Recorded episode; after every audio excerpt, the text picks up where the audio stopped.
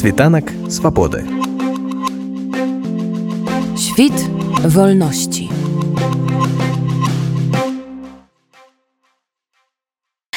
А гадавіну вайны ва ўкраіне расійская апазіцыя сустрэла ў варшаве з'ездам народных дэпутатаў. Гэта была другая сустрэча адзіных легітымных, як яны самі сябе называюць прадстаўнікоў расіян.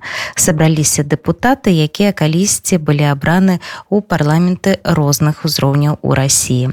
З дэлегатам з'езда былым кіраўніком аднаго з муніцыпалітэтаў ленінградскай вобласці з Дмітрыем Мушацкім я пагаварыла пра перспектывы рассіі, будучыя стасункі з Украінай краінай і высветліла ці можна паўплываць на унутры расійскую сітуацыю за мяжы сложный вопрос. Все-таки изнутри не совсем могу оценить ситуацию, да, но по родственникам, по всяким знакомым, мне кажется, что, к сожалению, на мой взгляд, да, не созрел еще народ внутри России на какие-то глобальные изменения в своем сознании, вот в оценке этой ситуации. То есть пока кто-то просто закрывается в ракушку. Я спрятался, я ничего не знаю, я не виноват. То есть те люди, которые это оценивали, они и так уже как бы давно поняли и уехали, борются, кто-то сел, как мы понимаем, да, разными способами. Те, кто изначально поддерживал, я вот, честно говоря, не вижу каких-то массовых каких изменений в сознании, скорее наоборот.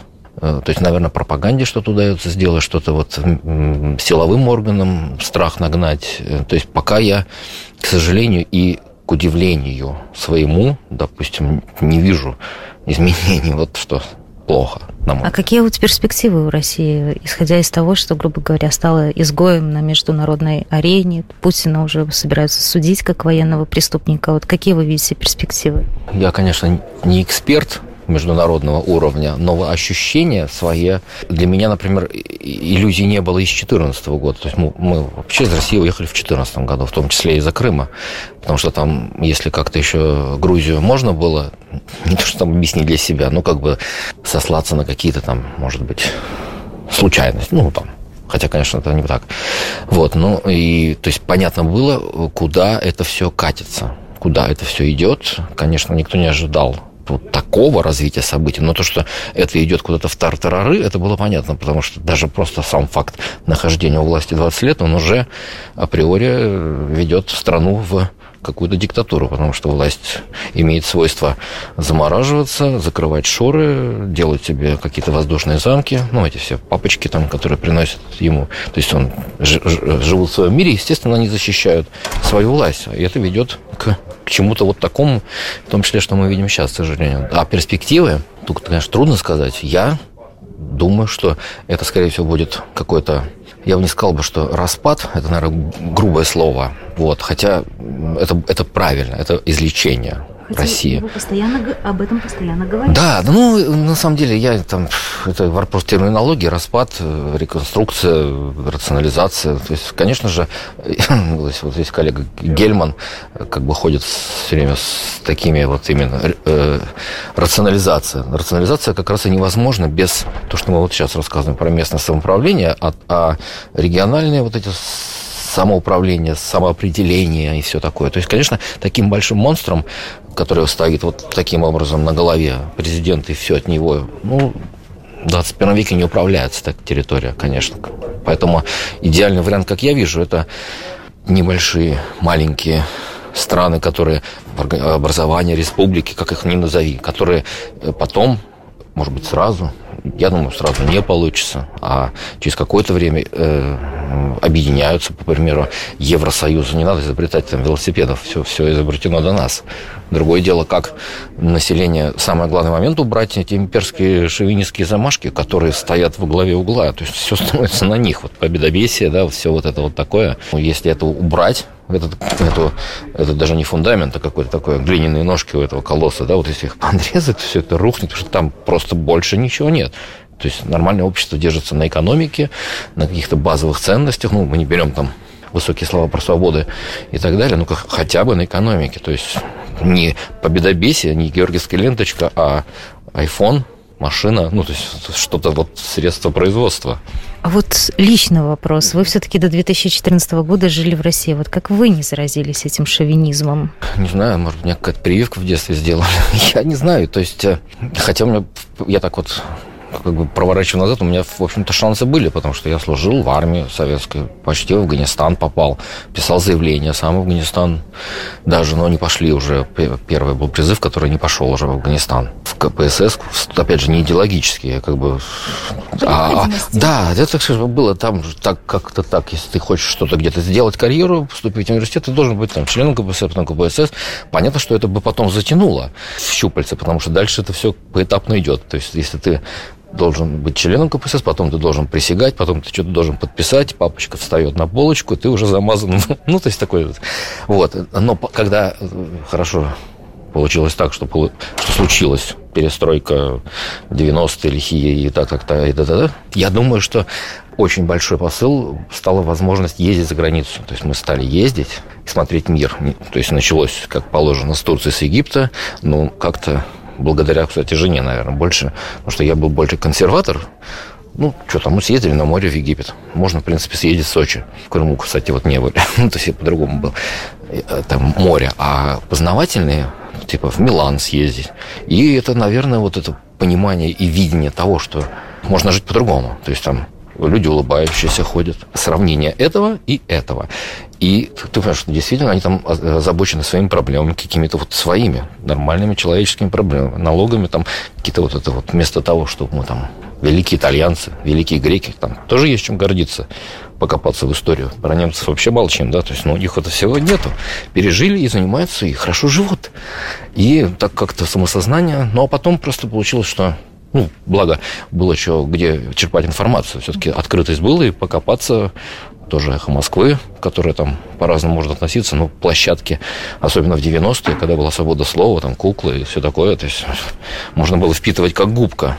Я, я почувствовал просто во время работы, я выбрался как раз депутата э, в главы не потому, что мне хотелось карьеру делать, потому что мне хотелось как раз теорию малых дел. То есть, посмотрев там, как, как это все, и построив дом под Питером, мы как-то вот случайно окунулись в эту всю кухню. Теория малых дел, вот это, наверное, именно на местном самоуправлении, уровне. То есть, как бы дороги, вот эти все там... Электричество, Электричество, газ, газ, помойки, это все вот это без всяких вот этих вот там партий, там это все. То есть, хотелось просто вот, ну, там, 40 лет альфа-самцовые, извиняюсь, выражение, замашки, то есть, ну, выбраться там просто интересно. И мне казалось, что так и должно быть. То есть не, не карьера какая-то, ты там берешь и куда-то там идешь, и вот там цели. Нет, просто вот, да, так. То есть тогда это было возможно? Да, это было возможно. 2009 год мы спокойно собрали команду. Из меня за пять лет жизни как бы в этом поселке как-то так получилось, что мы собрали свою команду, выиграли День России. На тот момент это было возможно. В каком году перелом наступил?